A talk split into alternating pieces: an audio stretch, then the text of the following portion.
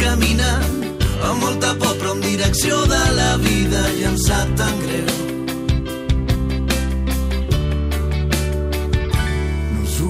Ho mereixeu. Solidaris amb la dignitat. Doncs un nom que ha sortit ara fa una estona, l'ha dit el Miquel Carrillo, la Blanca Chancoso. Ella és membre de la comunitat quechua de l'Equador. La seva reivindicació des del moviment indigenista també ha estat aquests dies a Marràqueix. Han passat per Barcelona i han parlat amb la Marta Molina. Aquesta és la seva xarxa d'avui.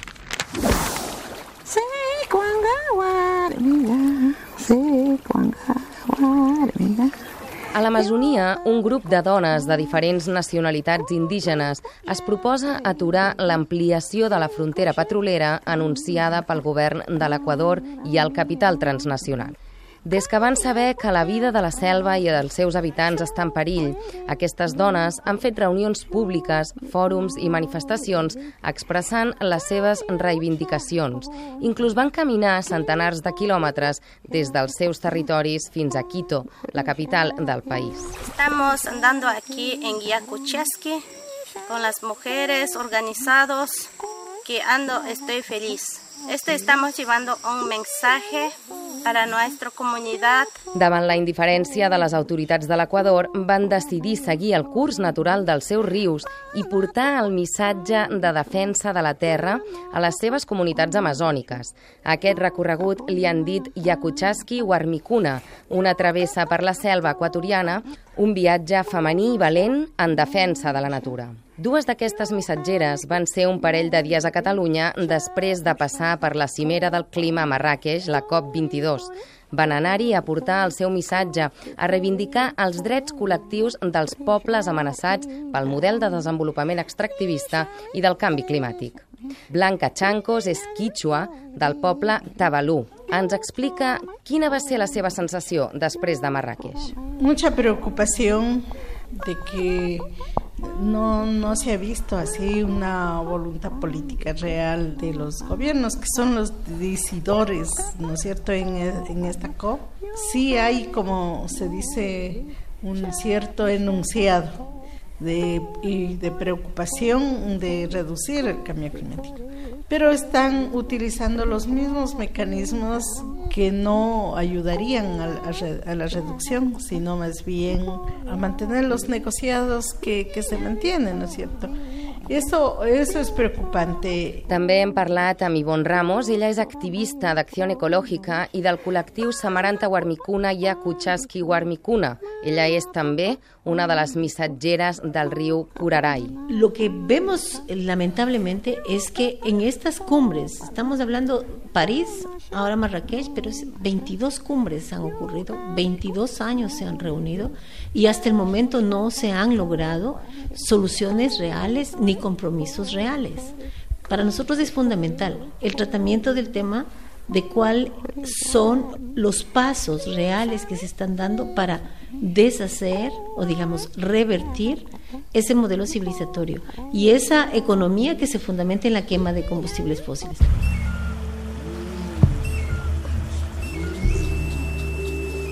Per què no s'avança ni es sanciona als països més contaminants? Realment, per què no s'avalua qui ha complert i qui no ha complert els compromisos? Porque una es la declaración y otra es ya la ejecución. Hacen compromisos y parecía que iba a haber un avance o que hubo un avance de declaración en, en Francia ¿no? y de ciertos compromisos. Pero los mismos que firman que se comprometen son juez y parte. No hay un artículo que se diga ni siquiera para evaluar quiénes cumplieron, quiénes no han cumplido y luego si no han cumplido, cómo, cómo sería esa, ese asunto de una exigencia de ética y moral, digamos, de los compromisos que hacen los gobiernos. Ivonne Ramos insisteix que cal canviar el model i apunta qui són els responsables. Bueno, una cosa fundamental es mirar que el tema del cambio climático es una consecuencia de un modelo civilizatorio que se fundamenta en una lógica extractivista, que tiene un fin fundamental que es la acumulación, acumulación de capital, acumulación de poder, acumulación de territorios, acumulación, acumulación. Este modelo civilizatorio es el que provoca eh, los cambios climáticos y este modelo civilizatorio tiene una fuente energética fundamental que se basa en la quema de petróleo, en la quema de gas, en la quema de carbón.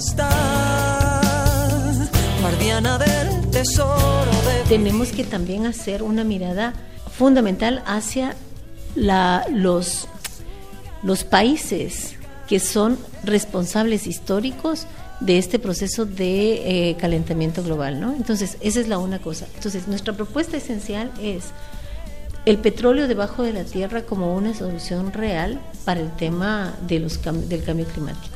La reversión de este modelo civilizatorio y dar pasos atrás realmente, digamos, y detener este, esta lógica de consumo desechable, ¿no? Cada vez más la lógica de, la producción y del consumo se basa en los elementos desechables sin considerar todos estos elementos de destrucción planetaria, ¿no?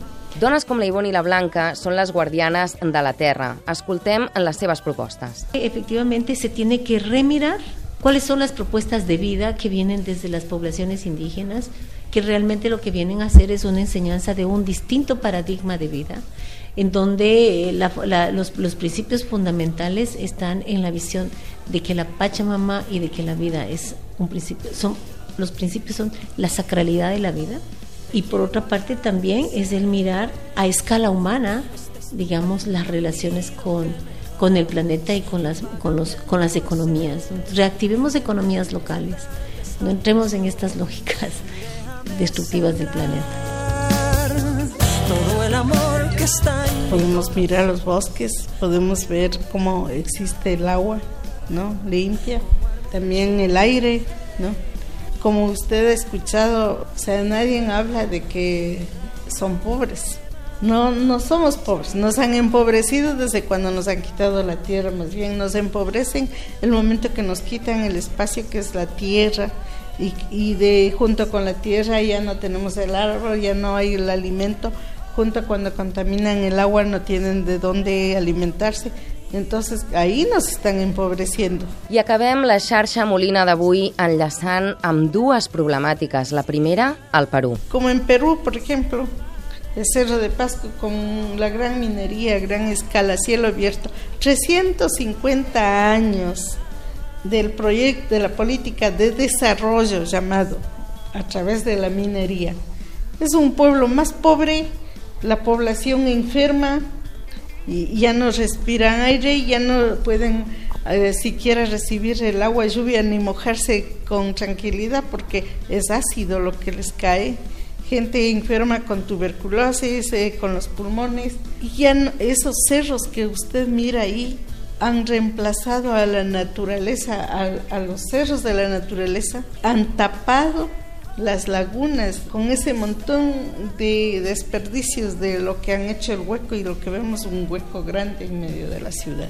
L'altre problema a l'Equador, al seu país, amb els indígenas Shoar. Bueno, en el Ecuador, en la parte sur, eh, en la selva amazónica, digamos, en una, en una parte muy prístina de la selva amazónica, viven los, la población Shuar y ahí el gobierno nacional firmó un contrato con una empresa minera china que se llama Exa Ecocorrientes. Ya empezaron las operaciones para hacer exploración avanzada y también para hacer ya la, explotación de la mina en este territorio. Entonces lo que procedieron a hacer ellos es a, desalojar a las comunidades locales que vivían ahí.